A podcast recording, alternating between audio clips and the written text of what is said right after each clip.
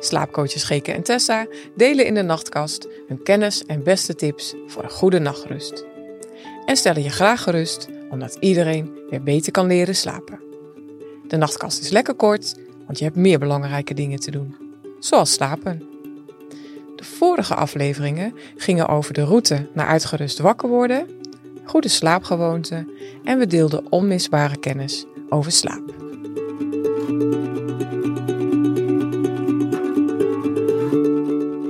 Gaan het over bioritme hebben vandaag. Ja, Um, maar als we het hebben over bioritme, ik ben eigenlijk wel benieuwd. Jij hebt mij ook die vraag al wel eens gesteld.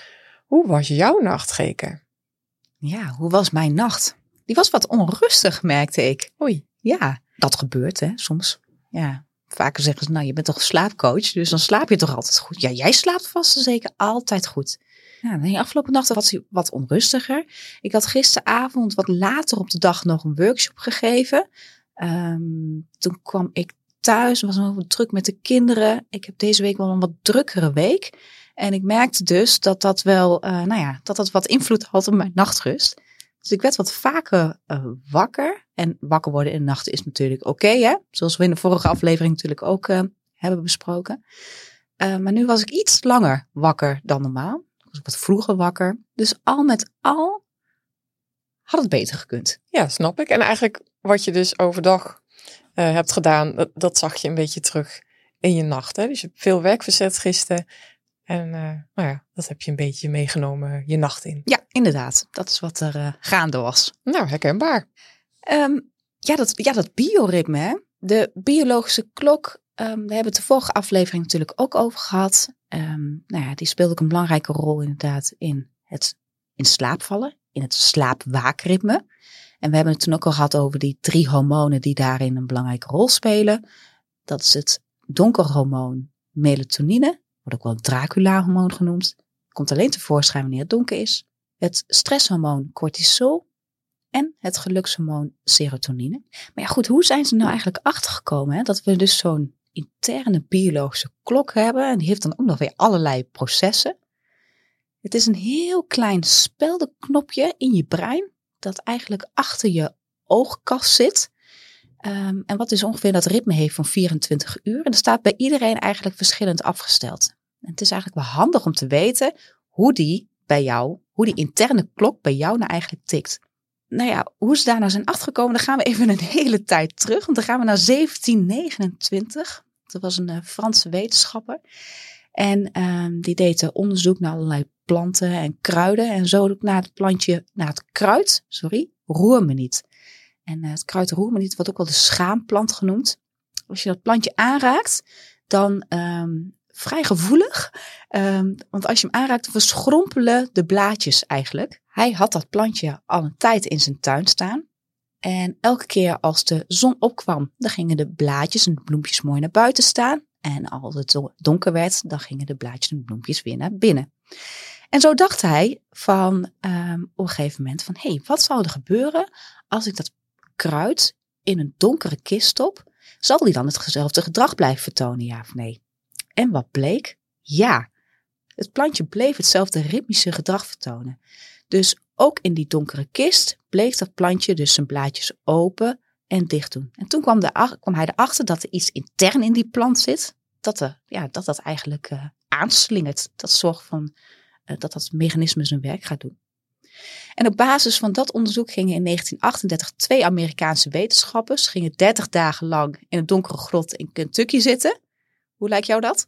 Um, ergens wel lekker rustig, maar ook wel een beetje spannend en, uh, en wel saai. 30 dagen is wel een hele opoffering uh, voor de wetenschap. Ja, nou, absoluut.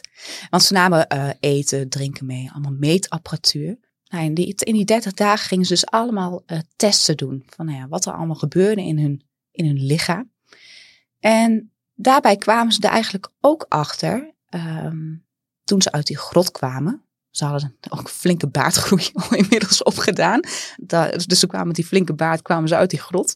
En dan hadden ze een, uh, een ontdekking gedaan dat hun ritme wat dus ongeveer 24 uur is van die klok, verschoof naar wel 26 of 28 uur. En nou ja, toen, kwamen ze eigenlijk, toen zeiden ze eigenlijk wel van, nou, we hebben eigenlijk wel daglicht nodig om ervoor te zorgen dat dat ritme een beetje ongeveer bij die 24 uur blijft. Noemen we ook wel zeitgebers. Uh, licht is zo'n zeitgeber om ervoor te zorgen dat, dat, uh, dat die klok mooi, mooi rond blijft tikken. Uh, datzelfde voor voeding speelt daar ook een belangrijke rol in. beweging is daar ook een onderdeel van. Ja, dus eigenlijk zeg je, Geke, we hebben die biologische klok en die, die gaat eigenlijk gewoon zijn gang. En er zijn ook van buitenaf een aantal elementen die dat versterken of ondersteunen. Hè? Ja, absoluut. Nou, dat was een stukje geschiedenis. Dan gaan we eventjes door naar, die, die, naar een chronotype. Ja, dat is eigenlijk een beetje een ingewikkeld woord, hè? Een struikelwoord. Ja, ja, chronotype. Um, Chronotype betekent eigenlijk van, nou ja, hoe jouw interne klok staat afgesteld of ingesteld, beter woord. En die kan wat meer neigen naar een ochtendtype of juist wat meer naar een avondtype. Um, je kunt er ook een beetje tussenin zitten. En het is uh, genetisch bepaald. En die, ochtend, uh, die ochtendmensen, die herken je, die mensen die, nou, die springen nog net niet uit hun bed. Zijn in de ochtend ook gelijk lekker actief praten misschien wel veel. Het kan een klein irritatiefactortje zijn als je een avondmens uh, thuis hebt. Die denken van nou, doe maar even rustig, want ik wil even rustig opstarten. Avondmensen hebben altijd even wat meer tijd nodig in de ochtend. Word ik wel eens gekenmerkt door een klein ochtendhumeurtje. Um, en die um, avondmensen, die komen juist echt tot leven aan het einde van de middag. Hè? Die, um, die krijgen daar heel veel energie en alertheid. gaan ook wat later naar bed. Terwijl die ochtendmens denkt van nou, uh, stop me maar lekker uh, op tijd bed in. dat heb ik nodig. En maak mij in de ochtend maar lekker vroeg wakker. Je kunt er dus ook een beetje tussenin zitten. Eigenlijk een groot deel van de bevolking zit er eigenlijk, hangt daar een beetje tussenin. Dus um, het is handig voor jezelf om te weten wat je bent. Dus ben jij um, wat ochtendmens, avondmens, hangt een beetje tussenin. Maar dat je een beetje weet van nou ja, hoe jouw interne klok tikt. Zo kun je er wat meer rekening mee houden en kun je er ook naar gedragen. Nou, jij hebt het vooral over wanneer je bijvoorbeeld dan ook uh, het beste je uren kan slapen. Hè? Dus dat je rekening houdt, ja, natuurlijk met, je, met de rest van je leven, maar ook met je interne klok. Wat we ook wel vaak horen, is eigenlijk de vraag van hoeveel uren moet ik nou eigenlijk slapen? Hè? Dan hebben we het over slaapbehoeften. Dan ga ik even wat meer uh, induiken. Nou, allereerst wil ik in ieder geval daarover zeggen uh, dat er een algemeen advies is eigenlijk over hoeveel slaap uh, kinderen of baby's of volwassenen of ouderen nodig hebben. Uh, maar wij willen ook wel benadrukken dat er behoorlijke individuele verschillen zijn. Hè? Eigenlijk net als een beetje als met het omgaan met koffie. Nou, de slaapbehoefte hangt ook af van, van de leeftijd die je, die je hebt. Dus als je net geboren wordt, dan heb je heel veel behoefte aan slaap. Eigenlijk het grootste deel van de dag. Dus kinderen van 0 tot 2,5, die slapen wel 6 tot 18 uur van hun dag. Om goed te kunnen groeien, hè, want in de, in de nacht en in de diepe slaap en ook dus overdag zijn die groeihormonen actief. Van 2,5 tot 6 hebben kinderen 11 tot 13 uur slaap nodig. En het algemene advies voor kinderen tussen de 6 en de 12, hè, de, de opgroeiende kinderen in de basisschoolleeftijd, die hebben nog wel 9 tot 11 uur slaap nodig gaan we richting uh, de puberteit, de tieners tussen 12 en 18. Die hebben 8 tot 10 uur nodig. En dat is soms een, hele kunst om die nog bij elkaar uh, te sprokkelen, omdat de school uh, eigenlijk een beetje te vroeg begint. Volwassenen vanaf een jaar of 18, daarvoor geldt de richtlijn dat ze tussen de 7 en 9 uur slaap nodig hebben. Dus daar zitten de meeste mensen wel tussen.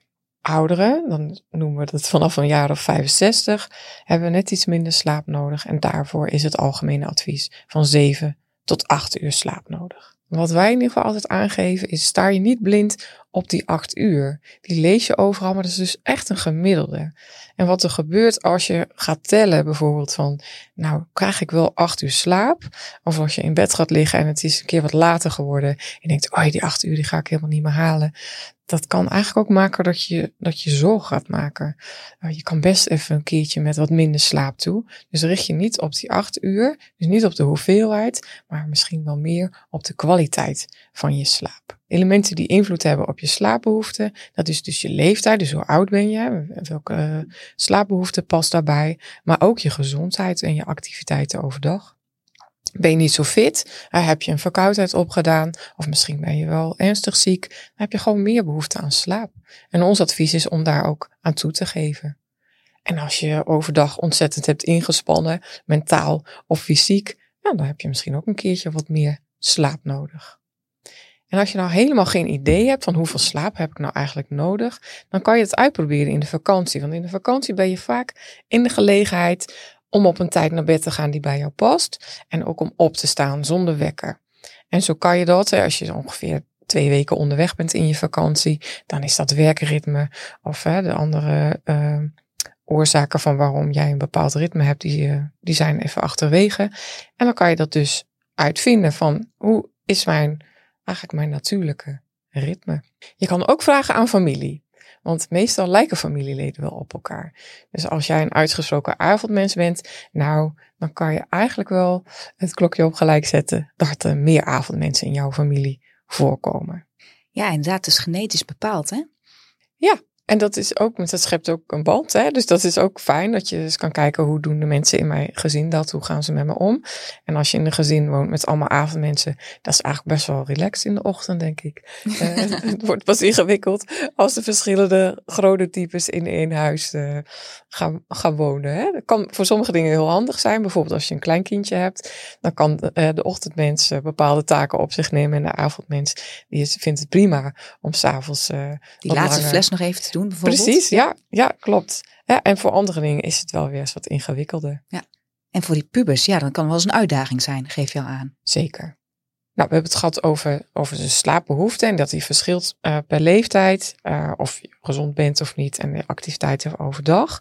Er zijn ook nog wel bijzonderheden die je in je loop van je leven kunt tegenkomen die samenhangen met slaap. Uh, bijvoorbeeld de invloed van hormonen of het verschuiven van een ritme. Ik zei net al, die, die pubers, nou, die hebben toch nog wel acht tot tien uur slaap nodig. Maar het is wel de vraag of ze die weten te halen. Wat er gebeurt namelijk in de, in de puberteit, is dat het biologische ritme, echt dus het, het starten van de aanmaak van melatonine, behoorlijk kan verschuiven. Soms wel twee tot drie uur. Um, dus pubers krijgen veel later zin om naar bed te gaan en ze worden veel later slaperig. En zouden, als ze het even kan, ook langer uitslapen. En dat heeft dus helemaal niks met luiheid of geen zin uh, om naar school te gaan te maken, maar puur met een, een biologisch gegeven dat hun ritme verschuift. Daarom is het best wel lastig voor ze dat de school uh, zo vroeg begint.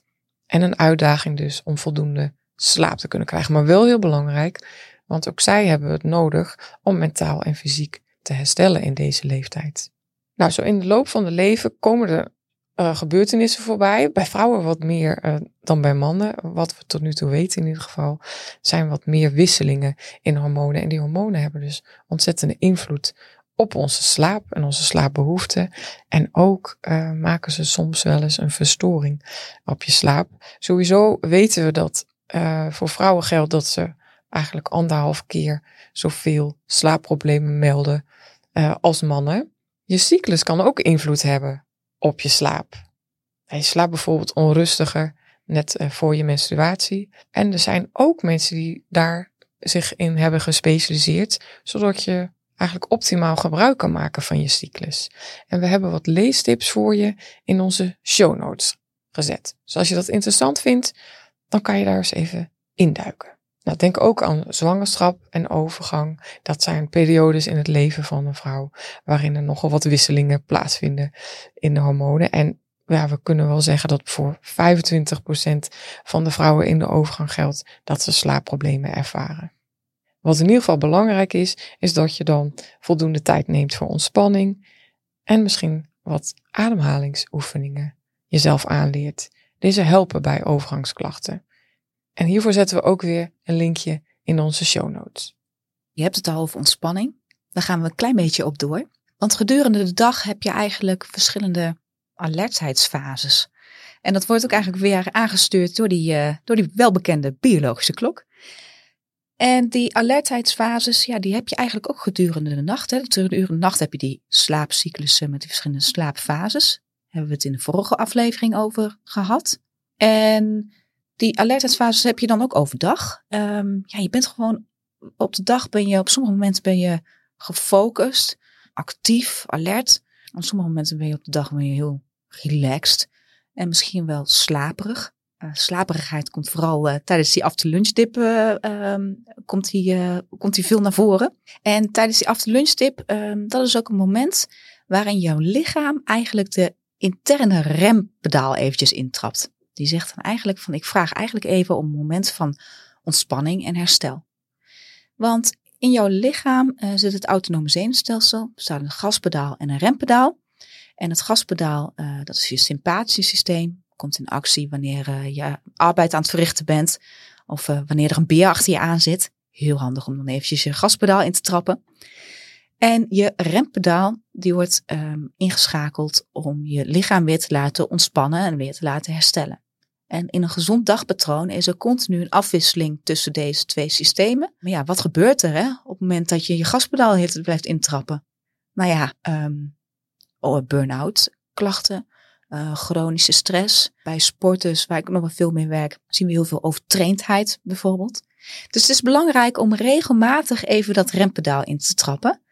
Um, nou ja, dat kun je inderdaad doen door doen van ademhalingsoefeningen. Um, je kunt een uh, rustige wandeling maken. Even naar buiten staren. Helpt ook goed. Meditatie, mindfulness oefeningen. Dat zijn voorbeelden hoe jij een, uh, een rustmoment kunt pakken. Want als jij overdag veel gas geeft, dan heb je in de avond een langere remweg nodig. Dus het helpt je om je slaapkwaliteit daarmee ook te verbeteren. Dan gaan we naar de stelling. De stelling van, uh, van deze aflevering is de uren voor 12 uur tellen dubbel. Ja, misschien heb je daar wel eens uh, van gehoord. Um, als we dit in workshops uh, doen, deze stelling, dan zeggen mensen, oh ja, dat zei, dat zei mijn moeder ook altijd. En sommige mensen kijken, ja, die hebben er nog nooit van gehoord. De uren voor 12 uur tellen dubbel. En dat bedoelen we 12 uur s'nachts. Nou ja, daar is eigenlijk helemaal niks van waar. Hè? Want elke uur slaap is gewoon een uur slaap. En het is niet zo dat je de uren die je voor 12 uur slaapt met twee eh, mag vermenigvuldigen. Wel de kanttekening, als je een ochtendtype bent, qua chronotype, dan is het handig om wel te zorgen dat je voor 12 uur, misschien wel ruim voor 12 uur in bed ligt. Omdat je eigenlijk uit jezelf weer vroeg in de ochtend wakker wordt. Ja, dan is het eigenlijk niet mogelijk om, uh, om genoeg uren te verzamelen waar jij behoefte aan hebt. Nee. Nou ja, het is ook zo dat je in het eerste deel van de nacht uh, vooral uh, fysiek aan het herstellen bent. Hè? Wordt ook wel vaak je kernslaap genoemd. En het tweede deel van de nacht is vooral mentaal herstel, hè? dus je restslaap. Um, dat wordt daar ook een beetje mee bedoeld natuurlijk. Geke, heb jij voor ons een voorbeeld uit de praktijk die, nou, die gaat over deze aflevering, hè? Die, die samenhangt met, met bioritme? Eigenlijk een, uh, een voorbeeld van een jonge sporter in de puberteit. En die, uh, uh, die kwam bij mij eigenlijk met de vraag van, nou, goh, Geke, ik, uh, ik, het duurt zo lang voordat ik elke keer in slaap val. Um, nou, dat zat ook wel in meerdere uh, factoren. Uh, maar zo zijn we dus ook inderdaad weer samen gaan puzzelen. Gaan onderzoeken van, nou ja, waar zat het dan, dat dan in? En toen kwamen we um, tot een uh, aantal, aantal ontdekkingen. Deze sporter die moest bijvoorbeeld um, altijd om negen uur s avonds moest hij van zijn ouders naar boven gaan. Om, uh, om, ja, om naar bed te gaan. Uh, dus overdag ook behoorlijk actief. Nou ja, met je uh, planning voor sport, planning voor school, et cetera. Zijn ouders goed bedoeld om, om deze, deze sport inderdaad, nou ja, op tijd naar boven te sturen. Maar vervolgens lag hij heel lang wakker in zijn bed. En via het slaapdagboek kwam het ook wel achter dat hij soms wel drie uur lang nog wakker lag. En ik viel die pas heel laat in slaap. Nou, ja, zo vervelend. Ja, dat is heel vervelend. En uh, het frustreerde hem dus ook. Dus hij had van alles ook al geprobeerd. En, uh, uh, nou, en toen op een gegeven moment, ja, toen, nou ja, dat vertraagde ritme in die puberteit, dat speelt bij hem dus echt een duidelijke rol. En nou ja, dat zijn ouders ook goed bedoeld, inderdaad, om negen uur s'avonds naar buiten of naar, of naar boven sturen. Um, hoeft niet te betekenen dat hij slaperig was, want hij ging niet naar bed dat hij slaperig was. Hij voelde niet die, het gapen, die zware oogleden. Nee, hij ging naar bed omdat hij naar bed moest. Dus toen zijn we wat gaan sleutelen en dan gaat hij wat later elke keer naar bed. Um, en um, in het slaapdagboek kwam dat ook naar voren. Hoe laat hij naar bed ging, hoe minder uh, tijd die nodig had om lekker in slaap te vallen. Dus nou, dat, dat is hij gaan doen. En uh, dat gaat eigenlijk tot nu toe best goed. Dus dat is heel fijn. Dat was dan een van de factoren die bij hem dan uh, gaande was. Maar een goed voorbeeld van hoe het kan gaan in die puberteit. En dat daar soms wat aanpassingen nodig zijn. Deze aflevering bevat ook weer een tip. Versterk je aan- en uitknop door af en toe overdag het gas los te laten of zelfs op de rem te trappen. Al is het maar voor één minuutje. Ons boek, De Slaapgids, helpt je bij het ontdekken van je eigen slaaproute. Overal te koop en ook rechtstreeks te bestellen via www.deslaapgids.nu boek. Bekijk de show notes voor meer informatie over deze aflevering en hoe je ons kunt bereiken. We horen graag van je terug wat je van deze nachtkast vond. Je weet nu hoe je liever kunt zijn voor je eigen bioritme. We hebben het gehad over de werking van de biologische klok, hoe dat eigenlijk ontdekt is, dat we allemaal zo'n interne klok hebben. Ook hebben we het gehad over chronotypen, slaapbehoeften en dat die samenhangt met leeftijd, maar ook met je gezondheid en je activiteiten overdag. We hebben het gehad over verschillende levensfases en bijzonderheden die daarbij plaatsvinden.